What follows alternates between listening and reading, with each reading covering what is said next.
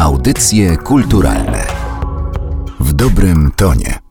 Przed mikrofonem Magdalena Miszewska. Zapraszam na kolejny odcinek audycji kulturalnych. Pozostajemy w klimacie świąt Bożego Narodzenia, a skoro jest to okres świąteczny, to z radia, nie tylko z radia, bo w zasadzie zewsząd płyną do nas różne świąteczne dźwięki, kolendy, pastorałki, pieśni i piosenki o tematyce świątecznej. Jest e, tego sporo i o tym, jak jedne od drugich odróżnić i jaka jest w ogóle historia polskich kolęd. E, rozmawiam dzisiaj z doktorem Jackiem Jackowskim z Instytutu Sztuki Polskiej Akademii Nauk. Dzień dobry. Dzień dobry dobry. No właśnie, może zacznijmy od tego rozróżnienia, co jest y, czym, żebyśmy się połapali, słysząc y, z radia jakąś y, piosenkę o tematyce świątecznej. Czy to jest kolenda, czy to będzie pastorałka, czy to właśnie będzie jakaś piosenka po prostu, która o świętach w jakiś sposób opowiada albo do świąt nawiązuje? No myślę, że im dłużej, to będziemy mieli z tym coraz większy problem, bo tego repertuaru przybywa, a jednocześnie faktycznie on chyba coraz wcześniej przed świętami zaczyna już nam tutaj towarzyszyć w tej audiosferze. To chyba do dobrze. Wydaje mi się, że ta pogoda i ten czas y, no, sprzyja troszeczkę mniejszej ilości czasu do jakichś spacerów, do przebywania może na świeżym powietrzu i y, wydaje mi się, że szukamy, czy stwarzamy sobie, czy chcemy, czy dążymy do tego, żeby jakoś rozjaśnić te mroki, które nas y, depresyjne otaczają i myślę, że te wszystkie światełka, te wszystkie ozdoby, które coraz częściej chyba się pojawiają, już no właściwie chyba niestety w czasie Adwentu, może mnie osobiście trochę brakuje tych symboli symboli adwentowych, żeby potem tak zupełnie świadomie przejść w ten okres Bożego Narodzenia. No ale no, jest tak jak jest y, i rzeczywiście tą fonosferę, tą naszą audiosferę y, wypełnia coraz więcej y, właśnie repertuaru związanego ze świętami czy z Bożym Narodzeniem. Rzeczywiście jest tego mnóstwo. Z tym już był problem historycznie, to znaczy już kiedy właściwie ten repertuar zarówno w kościele, jak i w kulturze ludowej czy popularnej współistniał, współwystępował, to już na początku właściwie XIX wieku, pewnie też nawet wcześniej dążono do jakiegoś uporządkowania tych spraw. No tutaj wiadomo, jeśli chodzi o kolendę w takim, e, można powiedzieć, ścisłym znaczeniu, no to musielibyśmy sobie ją jakoś spróbować zdefiniować.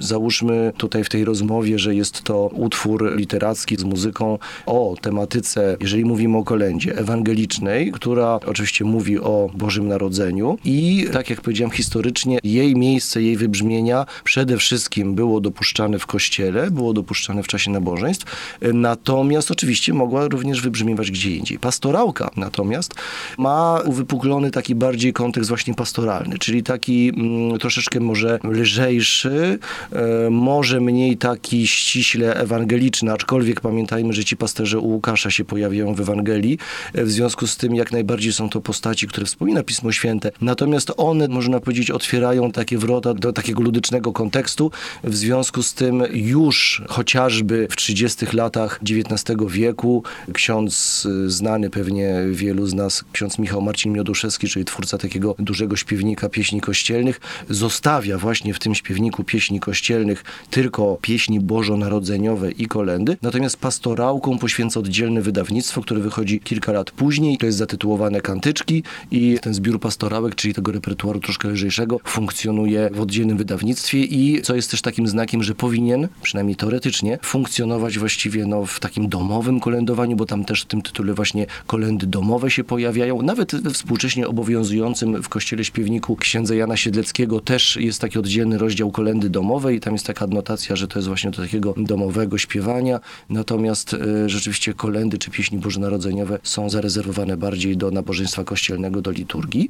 No i ta trzecia y, grupa, o której pani wspomniała, to no w ogóle wysyp w tej chwili tej twórczości piosenki piosenkowej, piosenkarskiej, lepszej, gorszej, ładniejszej, niekoniecznie też e, tutaj lokalnej. W tej chwili ja słucham różnych stacji radiowych i bardzo dużo z przebojów też przecież zagranicznych. Te Christmas Songs w Stanach Zjednoczonych to jest cała chyba bardzo duża część rynku muzycznego i w okresie świąt sporo gwiazd, większych i mniejszych, e, nie tylko pojedyncze piosenki nagrywa o tematyce świątecznej, ale na różne sposoby aranżuje te już bardziej znane świąteczne przeboje i w okolicach e, grudnia, listopada takich albumów pojawia pojawia się bardzo dużo. W Polsce chyba jeszcze nie aż tyle, ale faktycznie różni wykonawcy także próbują swoich sił w śpiewaniu piosenek okołoświątecznych. Kolęd tych tradycyjnych również, ale także na różne sposoby przearanżowanych. No tak, na pewno tym hitem y, ostatnich lat stało się Mary Did You Know, czyli y, nie wiem, to chyba Kuba Badach śpiewa po polsku. Zresztą bardzo ładna, bardzo fajna piosenka.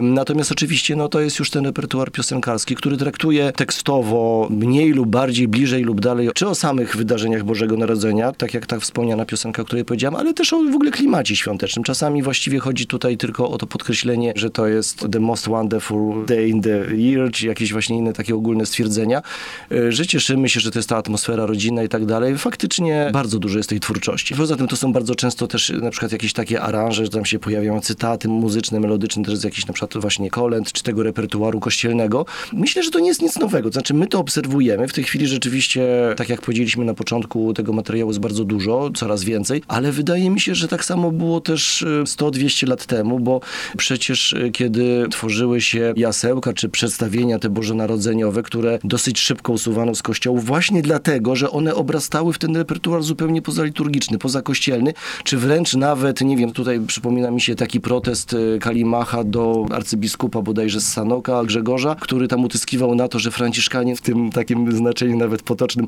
szopkę robią w kościele, czyli po prostu nie dość, że tam wprowadzają y, woła, osła i te zwierzaki, no po prostu, żeby to przedstawienie uatrakcyjnić, to jednocześnie y, no, śpiewają tam wszystko i to już no, nie do końca może przystoi świątyni. Poza tym też bardzo często tam puszczały wodze jakaś fantazja, jakaś improwizacja i często ci braciszkowie jakieś kuplety śpiewali, jakieś zupełnie na prędce wymyślone historie, w związku z tym no po prostu tam się rewia zaczęła robić. Wokół właśnie tego żłóbka, tego Bożego Narodzenia, to bardzo się podobało ludziom. Jędrzej Kitowicz opisuje, że właściwie najwięcej śmiechu było, jak ten lud już tak napierał na te jasełka, bo to chciałbym podkreślić, że te jasła, które oznaczają tak naprawdę żłób, to w tym pierwotnym franciszkańskim znaczeniu, bo to przez święty Franciszek wymyślił, e, i które bardzo szybko też na grunt polski właśnie z franciszkanami przeszły, to były początkowo statyczne przedstawienia, czyli figury e, w kościołach ustawiane, to co dzisiaj nazywamy właśnie szopką, tak? Tak się troszkę ta terminologia zmieniła.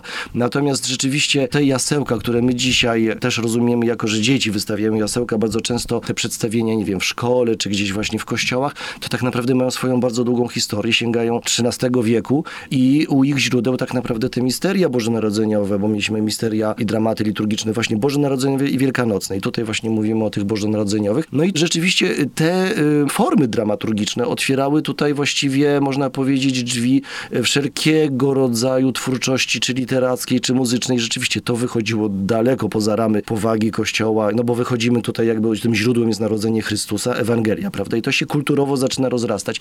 Nie wiem, czy my dzisiaj nie mamy dokładnie tej samej sytuacji, że po prostu we wszystkich, y, można powiedzieć, zakątkach rozbrzmiewają różnego rodzaju śpiewy. Może tych kolędników trochę brakuje. Mnie by się marzyło, żeby tak naprawdę w centrach handlowych więcej było takich prawdziwych, żywych grup właśnie kolędniczych, y, które by też różny repertuar mogły śpiewać, ale nie tylko z głośników muzyka. To by mogło też zmobilizować właśnie do tego śpiewania. Wydaje mi się, chciałbym taką tezę postawić czy podkreślić, że to jest chyba jedyny moment w roku, czy kalendarzowym, czy liturgicznym, jakkolwiek go tutaj nie będziemy traktowali, gdzie się zaczyna śpiewać albo wyjątkowo słuchać pewnego rodzaju muzyki, tak? Czy pewnego rodzaju pieśni. I rzeczywiście, no mówimy o tym, że nie wiem, na pewno są jakieś badania na ten temat, na ile my jeszcze kolendujemy w domu, na ile jeszcze rodziny w czasie Wigilii, czy po Wigilii, czy w ramach tego spotkania rodzinnego, na ile rzeczywiście śpiewają, na ile pozwalają sobie na to, że ktoś zaintonuje, cała reszta się dołączy i wyeliminujemy ten przekład mass mediów, tak? Czyli, że nie słuchamy tych kolęd z płyty, prawda, czy z jakiegoś odtwarzacza, czy po prostu z telewizora, bo oczywiście oferta programowa daje nam masę wtedy tych koncertów, prawda? To jest to, co pani powiedziała. Ale pytanie, czy ta podstawowa funkcja tego wspólnego muzykowania, tego wspólnego śpiewania, repertuaru, który przecież doskonale znamy. Wydaje mi się, że jeżeli mielibyśmy mówić w tej chwili o jakiejś żywotności repertuaru ludowego, właśnie tych pastorałek, czy tych pieśni o Bożym Narodzeniu, to wydaje mi się, że to jest też taki właśnie duży przejaw tego, że jeszcze wiele z nas, na pewno pani niczym moje pokolenie, większość tych kolęd czy pastorałek zna tak naprawdę z przekazu ustnego, czyli charakterystycznego dla kultury ludowej. Czyli po prostu zostaliśmy nasyceni, nauczeni takiego folkloru muzycznego, którym właśnie między innymi są te kolendy i pastorałki. Przybierzeli do Betlejem, znamy oboje, prawda? Ale skąd znamy? Nikt nas tego nie studiował w szkole, nikt nie kazał nam się tego uczyć na szkole, tylko po prostu znamy to gdzieś z domu, z jakiegoś momentu, z jakichś wspomnień dzieciństwa, gdzie to się śpiewało, albo gdzieś to może było właśnie odtwarzane, ale ja pamiętam, to się śpiewało. No ja mam jakieś mętne wspomnienia z lekcji muzyki ze szkoły podstawowej, że w grudniu to się po prostu śpiewało kolendy, ale cały ten e, zanik śpiewania kolęd i nie tylko kolęd, to jest trochę też oddzielny temat o tym, dlaczego Polacy już e, w ogóle publicznie i grupowo śpiewają tylko na stadionach, bo to jest chyba takie miejsce, gdzie jednak ten wstyd przed e, głośnym śpiewaniem zanika i zresztą emocje są tak ogromne, że chyba się wtedy po prostu nie myśli o tym wstydzie, ale faktycznie śpiewamy bardzo rzadko, a w tym czasie świątecznym i poświątecznym i przedświątecznym to zdarza się, mi się na przykład zdarzyło w zeszłym roku spotkać dzieci śpiewające po prostu sobie przy ulicy. Pewnie wyszły ze szkoły i śpiewały dla wszystkich no kolendy, no bo to był ten świąteczny mówię, że to jest czas. Tego mało. Ale właśnie powiedziała Pani o tych emocjach, że gdzieś puszczają emocje i się zaczyna śpiewać. No to właśnie moim zdaniem jest troszeczkę takie błędne koło, bo przecież właśnie my śpiewamy i w kolendach, i w pastorałkach, i w pieśniach bożonarodzeniowych, jakkolwiek by ich nie pojmować, i również w tym popularnym repertuarze. My cały czas śpiewamy o tych emocjach. My cały czas śpiewamy, że właśnie jest ta ciepła atmosfera, że ludzie się spotykają, wszystko sobie wybaczają, wracają, są te spotkania, prawda, i tak dalej. Czyli mówimy cały czas o pewnych emocjach. W związku z tym, dlaczego nie możemy sobie pozwolić na to, żeby nam właśnie w tym momencie puściły te emocje i żebyśmy zaczęli śpiewać po prostu. A to, że to są takie ważne utwory, to świadczy o tym chociażby fakt, że Fryderyk Chopin, kiedy pierwszy raz spędzał święta poza granicami kraju, to w jednym ze swoich utworów, który komponował, umieścił cytat właśnie z Lulajże Jezuniu. No słynny scherzo hamol, no też emocje, to jest tęsknota, to jest to wyrażenie właśnie tęsknoty za krajem, ale wyrażone w takim jakimś bardzo drobnym pierwiastku, ale to jest w ogóle ciekawa sprawa z tym Lulajże Jezuniu, bo to jest bardzo charakterystyczny typ, no właśnie, takiej pieśni o Bogu, który jest jednocześnie malutkim dziecięciem, który jest dzidziusiem, którego właśnie trzeba lulać, któremu trzeba śpiewać kołysankę. Tu niedaleko, bo teraz tą rozmowę przeprowadzamy przy ulicy Długiej, a tu niedaleko na Miodowej, już wspomniany przeze mnie Kitowicz właśnie opisywał taki niesamowity zwyczaj, który był taki właśnie paraliturgiczny, taki żłóbek, takie też tulenie Jezuska. To znaczy Bernardyni kończąc nabożeństwo właśnie mieli tą kołyskę, tam była figura dzieciątka Jezus. No do dzisiaj wystawiamy w tych żłóbkach te figurki Pana Jezusa, prawda, jako takiego małego bobasa. I oni na koniec właśnie tam według starszeństwa kołysali tą kołyskę, a jeszcze inne źródła historyczne nam o tym mówią, że taki rodzaj właśnie śpiewania takich kołysanek, czy śpiewania dzieciątku Jezus właśnie przy żłóbku był bardzo charakterystyczny dla zakonów żeńskich. Ale ta otoczka muzyczna właśnie przy tym to było to śpiewanie tego typu pieśni, między innymi Lula i Jezuniu, ale też Gdy śliczna panna syna kołysała, to są te refreny Lili, Lili, Laj. No jest w ogóle wyjątkowy repertuar religijny, repertuar, który również do dzisiaj śpiewało się i śpiewa w kościołach, który tak naprawdę bardzo silnie odstaje od reszty pieśni religijnych, bo tu raptem śpiewamy jakiś refren Lili, Lili, Laj, prawda? Tutaj śpiewamy o Bogu, którego tak naprawdę widzimy jako bezbronne dziecko. To jest w ogóle bardzo piękne właśnie w chrześcijaństwie, że ten Bóg starotestamentalny, który mógłby się jawić jako groźny sędzia, prawda, i tak dalej, jednocześnie pojawia się tu między ludźmi jako po prostu małe, bezbronne dziecko. To jest zejście Boga do ludzi. To jest ten pierwszy moment, kiedy on się pojawia jako po prostu jeden z nas, jako najsłabsza istota, czyli te wszystkie pieśni właśnie o tym mówią, a my z kolei jako ludzie mamy taką chęć przyjęcia go i właśnie utulenia, ukołysania, właśnie obronienia. To są te mechanizmy, które również zagrały w y, takim momencie, kiedy pieśń bożonarodzeniowa czy kolenda unaradawia się, to znaczy dochodzą do tego repertuaru cechy takie szczególnie polskie, bo tutaj mówimy pierwotnie, historycznie o kulturze łacińskiej, o śpiewach w języku łacińskim, które gdzieś tam w XV, a już zupełnie y, śmiało w XVI wieku zaczynają być tłumaczone na język polski, czy powstają w języku polskim, ale kolejnym etapem było to unarodowienie tej kolendy, czyli odejście od tych realiów Bożego Narodzenia w ziemi judzkiej do ziemi polskiej po prostu. Pasterze, którzy przychodzą, którzy tak naprawdę w tym autentycznym kontekście byli tak naprawdę marginesem społeczeństwa. To byli wyrzutkowie, którzy jako pierwsi właśnie adorują tego Chrystusa. To też takie znamienne właśnie, że ci najmniejsi widzą tą gwiazdę i przychodzą zaalarmowani w tych polskich realiach, no to są pasterze często przedstawiani jako górale z ciupagą, prawda, w tym kapeluszu, w tym kożuszku, którzy mają po prostu polskie imiona, czyli Bartek, Szymek, Maciek, Kuba, Wojtek, tak? To są ci polscy pasterze. Wokół są świerki przykryte tymi kołdrami puchowymi śniegu.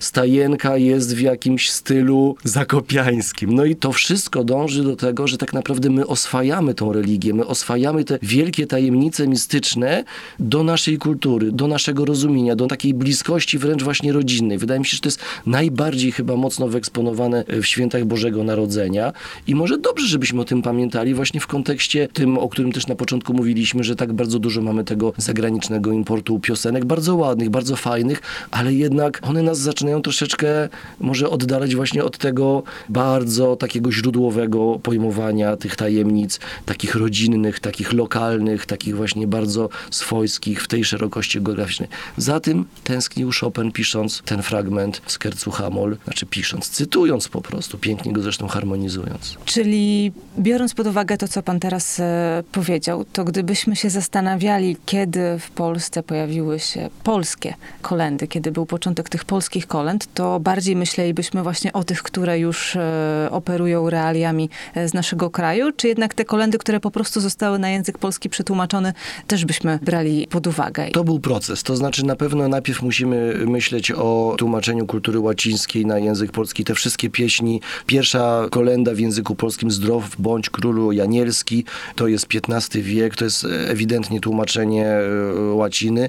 Natomiast pierwsze wzmianki, które pojawiają się w takich drukach ulotnych w XVI wieku, które były przez słynne te drukarnie, nie wiem, Łazarza Andrysowicza i Mateusza Ziebeneichera, na przykład w Krakowie, to są drukarnie, które, nie wiem, chociażby Psalmy Gomułki wydawały, to są takie druki, w których, e, to są bardzo długie tytuły, których ja w tej chwili trudno mi jest tak z pamięci przytoczyć, takie kwieciste, ale to są właśnie polskie teksty, które opowiadają właśnie chociażby chociażby o tym, jak święty Franciszek chciał po raz pierwszy przeżyć te jasełka, chyba wracając po zatwierdzeniu reguły z Rzymu, bodajże 1223 rok, i zapragnął, żeby tam był ten wół, żeby tam był ten osioł, żeby tam było tak, jak jest w Ewangelii napisane, w tym zimnie, w tej grocie skalnej. W związku z tym to są te wydarzenia opisywane właśnie już w języku polskim. Na pewno należałoby wspomnieć z kolei XVII wiek, to 1600 bodajże 40 rok, o ile dobrze pamiętam, czyli Jan Żabczyc i Symfonie Anielskie. Na przykład taka ciekawostka z tym związana, teksty oczywiście w języku polskim, opowiadające bardzo szeroko o Bożym Narodzeniu, ale też podobnie jak właśnie te przedstawienia bożonarodzeniowe, rozwijające tą akcję właściwie do y, różnych wydarzeń, takich i apokryficznych, i jakichś takich okołobiblijnych. I tam na przykład jest taka notka, bo to wyszło jako same teksty. I tutaj się badacze zastanawiają, czy to była jakaś oszczędność, czy niemożliwość akurat w tym momencie wydania mm, tego z zapisem nutowym, ale tam się pojawiają takie odnośniki, żeby ten repertuar śpiewać na melodii znanych tańców ludowych. I tutaj właśnie wchodzi ten moment pastorałki też, ten moment tego ufolkloryzowania tej kolendy, kiedy mamy do dziś masę śpiewanych kolęd w rytmach chodzonego, no Bóg się rodzi, w żłobie leży, no to można powiedzieć, można właśnie tańczyć do tych melodii, czyli mamy z jednej strony ten pierwiastek bardzo taki narodowy, bo to są tańce narodowe, prawda? Czy kujawiaki, y, ale ten narodowy kujawiak mm, Jezus Malusieńki, czy rytmy oberkowe, mazurkowe. To też ciekawe, że te teksty pierwotnie, dawniej miały inne melodie. Być może tak kolokwialnie powiem, mniej wpadające w ucho. Natomiast rzeczywiście z czasem one przybierały też te melodie takie bardziej swojskie, te skoczne, te ludowe i tak łatwiej zostały zapamiętane czy nauczone przez społeczeństwo i takie chyba bardziej lud polubił. No i nie mówiąc już o tej twórczości, o której chyba jeszcze nie zdążyliśmy wspomnieć, mianowicie ogromnej twórczości ludowej, kolendowej, czy właśnie związanej z tymi przedstawieniami, też bardzo jeszcze przecież żywotnymi w XIX wieku, czy na początku XX wieku, a sięgającymi jeszcze średniowiecza, bo to mamy też wzmianki, że przez Żacy czy Bakałarze chodzili również z tymi życzeniami, z tymi pieśniami i kolendowano, bo to chodzi o to kolendowanie, tak? No to jest masa tego repertuaru, który jest związany z chodzeniem z szopką, z gwiazdą, czy z przedstawieniami już takimi przez starszą młodzież troszkę od chaty do chaty, herody, przedstawienia, gdzie po prostu od domu do domu się chodziło. I to jest właśnie związane też z tym pierwotnym znaczeniem słowa kolenda, bo tak naprawdę to jest bardzo ciekawe, bo my mówimy kolenda, ale tak naprawdę w polskiej kulturze sam termin kolenda oznaczający właśnie pieśń o tematyce bożonarodzeniowej pojawił się właśnie we wspomnianym już XVI wieku i z tymi drukami właśnie tekstów w języku polskim. Natomiast sam ten termin kolenda tak naprawdę sięga bardzo starych czasów, jeszcze przedchrześcijańskich, czasów e, Cesarstwa Rzymskiego, gdzie wprowadzono po kalendarzu rzymskim kalendarz juliański. W kalendarzu rzymskim funkcjonowało na określenie pierwszego dnia każdego miesiąca wyraz kalendę. To było szczególnie tak, można powiedzieć, uroczyście e, obchodzone takie terminy, które też były związane z takim właśnie życzeniem sobie, obdarowywaniem się i te kalendy, zresztą też e, słowo w ogóle kalendarz współczesny, niektórzy też wywodzą właśnie od tych kalend, czyli to jest takie, można powiedzieć, właśnie określenie kalendarzowe, którego funkcja przede wszystkim na początku oznacza ten czas bliskości właśnie początku czegoś, czyli w tym wypadku e, nowego roku i świąt Bożego Narodzenia. Chodzenie kolędników było właśnie związane z jednocześnie życzeniem komuś, ale jednocześnie z braniem czegoś, czyli z datkiem, czyli dawało się kolendę, ale w dwie strony dawało się kolendę poprzez składanie życzenia, ale brało się kolendę w formie odbierania czy pobierania datku. To można powiedzieć jest ten kalendarzowy cykl. Zresztą też w słowiańskim było ten okres Bożego Narodzenia mówiony jako gody, że gody idą, prawda? Ola Boga, gody idą, to jest w pieśniach ludowych, czyli że zbliża się okres Bożego Narodzenia. No ale god to był też rok, prawda?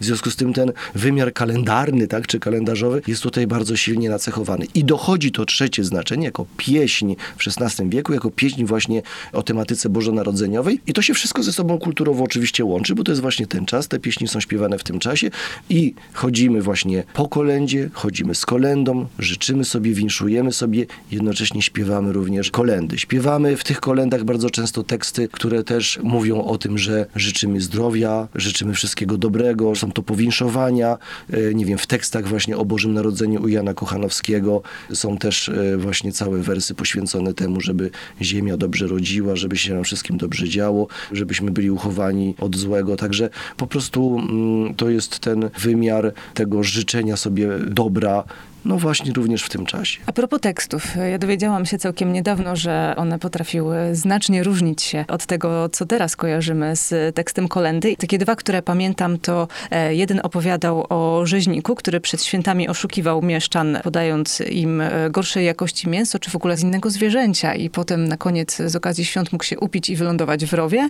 Albo też była kolenda śpiewana przez dziecko, które chciało dać e, Jezusowi małemu maku, ale wróbelki mak wyjadły, więc postanowiło, że trzeba trzeba upiec te wróbelki i je w takim razie Jezusowi podarować. I co ciekawe, taki przepis na jakieś pieczone wróble też gdzieś tam w dawnych księgach jest. I te kolendy znalazłam na blogu Polony. Podlinkuję ten artykuł w opisie tego odcinka, więc każdy będzie mógł sobie zerknąć w te ciekawe teksty. Ale skoro przy tych tekstach jesteśmy, bo są i te bardzo religijne, i te bardzo ludowe, i te śmieszne i zabawne, ale są też kolendy patriotyczne, czyli śpiewane na melodię znanych kolęd y, piosenki związane właśnie właśnie z miłością do kraju, z wojną partyzancką? Oczywiście y, każdy moment w historii, w którym jak co roku to Boże Narodzenie się jednak odbywało, lokowało, wnosił nowe realia, wnosił nowe problemy i to znajdowało odzwierciedlenie również w twórczości. Także zupełnie nie dziwi, że w czasie niewoli narodowej powstawały określone teksty, w czasie, nie wiem, stanu wojennego chociażby też wykorzystywano melodie i teksty, parafrazowano,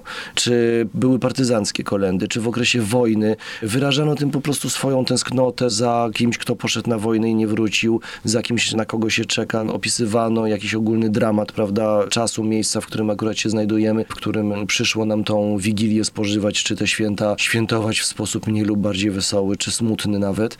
Nie wiem, przypomina mi się obraz Wigilii na Syberii Malczewskiego, zresztą do którego Jacek Kaczmarski napisał świetny tekst, też przeplatany właśnie cytatami z różnych kolęd. Także każdy moment historyczny też niesie za sobą pewien komentarz, który też odnajduje się w tekstach tekstach y, kolęd. No y, oczywiście wspomniane przez panią takie bardziej żartobliwe może elementy, no to oczywiście to jest to, co też wspomnieliśmy właśnie o tych jasłach, o tych jasełkach, o tych y, przedstawieniach bożonarodzeniowych, na które tak trochę no, krzywo patrzono właśnie, ponieważ one rozsadzały, można powiedzieć, tą twórczość i tą potrzebę jakiejś improwizacji, czy takiej zupełnie autentycznej wśród widzów zgromadzenia, czy tych, którzy to przedstawiali, no to rzeczywiście tam, można powiedzieć, pomysłom nie było końca. W związku z tym to rzeczywiście mnie zupełnie nie dziwi. Mm, Spotkałem się z takimi tekstami wielokrotnie. Zresztą ci pasterze zawsze, którzy, to był ten taki chyba najbardziej komiczny element, bo zawsze można było im jakieś cechy ciekawe, komiczne przypiąć i je komentować i w ogóle całą tą otoczkę w jakiś sposób y, wesoły przedstawić. No ja myślę, że mm, to się mogło wziąć też z jakiegoś mechanizmu, który zupełnie nie jest nowy. Mianowicie, no my w tej chwili, e, jak obserwujemy młodych ludzi, to oni z utęsknieniem czekają na jakiś nowy film, jakąś nową produkcję, która będzie w jakiejś e, najnowszej technice pokazana i nas w tej chwili może już te kościelne szopki, jasełka tak bardzo nie cieszą i nie zachwycają, jak no wyobraźmy sobie jednak młodych ludzi, młodzież, dzieci e, w stuleciu XIX czy XVIII, czy nawet jeszcze w znacznej części wieku XX, gdzie po prostu takie przedstawienia, takie ruchome szopki, które jeszcze do dzisiaj można tutaj u Bernardynów zobaczyć, czy chociażby w Niepokalanowie, w Sanktuarium i w wielu, wielu innych miejscach, nie wiem, w Wambierzycach. Krakowskie szopki A, też, prawda? No, no oczywiście, no, bardzo dobrze, że pani przypomniała. No to po prostu robiło wrażenie, bo to było kolorowe, to było 3D, tylko w XIX wieku. No to po prostu ja bym to inaczej tego nie nazwał. To było to same wrażenie. To była ta sama chęć, to była ta sama potrzeba zobaczenia czegoś niezwykłego. I to dawało właśnie Boże Narodzenie, że wtedy pojawiały się takie cudowności, tak. No teraz mamy trochę inaczej, ale może teraz dla nas tą cudownością będzie właśnie odejście na moment od 3D, a wrócenie właśnie do tego wymiaru takiego bardziej historycznego, bardziej takiego, którym żyli nasi przodkowie. To jeszcze na koniec w takim razie zapytam pana o pana trzy ulubione kolendy, bo o jedną może być trudno, więc od razu daję taki szerszy wachlarz e, i gdyby miał pan śpiewać tylko trzy kolendy e, podczas świąt e, z rodziną, to które? No to jest bardzo trudne pytanie oczywiście i ja przypuszczałem, że ono może paść i nawet trochę tak myślałam, y, co ja wtedy powiem, ale y, nim powiem może o kolendach, to powiem y, o takim repertuarze, który jest może bardzo mało znany, a może prawie w ogóle nieznany. Mianowicie jest taka niewielka część pieśni uznanych za adwentowe, ale które już tak naprawdę właściwie nie wiadomo, czy są jeszcze adwentowe, a może już trochę bożonarodzeniowe. To są takie tłumaczenia śpiewów chorałowych, które na mnie robią wielkie wrażenie i uważam, że pięknie mówią tak naprawdę o tym ostatnim momencie, kiedy adwent, kiedy ta ciemność adwentu ustępuje tej jasności Bożego Narodzenia. To jest taka piękna pieśń, może ktoś z Państwa ją gdzieś słyszał, głos wdzięczny z nieba wychodzi, światłość nam nową wywodzi. Dla mnie to jest już kolenda. Śpiewamy to w adwencie. Tak naprawdę już nie śpiewamy tego w czasie Bożego Narodzenia, ale to jest naprawdę piękny utwór. Natomiast bardzo lubię go śpiewać, ale właśnie w adwencie. Ale właśnie jak go śpiewam, to myślę już o Bożym Narodzeniu. Natomiast jeśli chodzi już te, takie ściśle ten repertuar kolendowy czy pastorałkowy, to nie wiem, to powiem tak, na pewno zależy w jakim tutaj kierunku byśmy poszli, bo jeśli chodzi o te takie najbardziej poważne kolendy, to na pewno Bóg się rodzi jest, można powiedzieć, takim, nie wiem, czymś na poziomie hymnów prawie, że e, religijnych. Ale Bóg się Wiadomo, rodzi bardzo prawda? dobrze brzmi właśnie w kościele, kiedy jest dużo ludzi i wszyscy to śpiewają. Może w domu jakby nie nabiera takiej Tak, to mocy. Musi, to musi być rzeczywiście tłum wiernych, którzy zwykle no, to pasterkę tym otwierają. Y, Wśród nocnej ciszy uwielbiam. Właśnie, wśród nocnej ciszy podlegała wielu tym transformacjom takim historycznym. To znaczy bardzo często zmieniano ten tekst względem y, aktualnych sytuacji politycznych czy właśnie historycznych. Także znam bardzo dużo takich różnych wariantów tekstowych i różnych parafraz, jeśli chodzi właśnie o tą kolendę. Jezus Malusieńki bardzo lubię. Ona jest taka bardzo nostalgiczna, właśnie taka kujawiakowa, taka bardzo polska, myślę. O, Triumfy Króla Niebieskiego bardzo lubię. A i jeszcze chcę powiedzieć o tym, że bardzo lubię Przybierzeli do Betlejem pasterze. I to nie tylko dlatego, że w tych wspomnianych symfoniach janielskich Jana Żabczyca tam na początku XVII wieku ona się znalazła i też była y, określona, że śpiewać ją na melodię tam popularnej pieśni, tylko dlatego, że to jest taka kolenda, którą jak zagramy dzisiaj w kościele, to jest 100%, że nawet najmłodsze dzieciaki po prostu nie wytrzymają, zaczną śpiewać. Coś jest niesamowitego w tej pieśni, że ona porusza i że szczególnie dzieciaki uwielbiają ją śpiewać i tam naprawdę nie ma problemu, żeby rozśpiewać towarzystwo tą właśnie kolendą. To już chyba było więcej nawet niż trzy. W takim razie zachęcamy do wspólnego śpiewania i do odkrywania i być może przypominania sobie e, zapomnianych tekstów kolęd, a o kolendach, pastorałkach i piosenkach świątecznych rozmawiałam z doktorem Jackiem Jackowskim z Instytutu Sztuki Polskiej Akademii Nauk. Dziękuję bardzo. Bardzo dziękuję za rozmowę. Audycje kulturalne w dobrym tonie.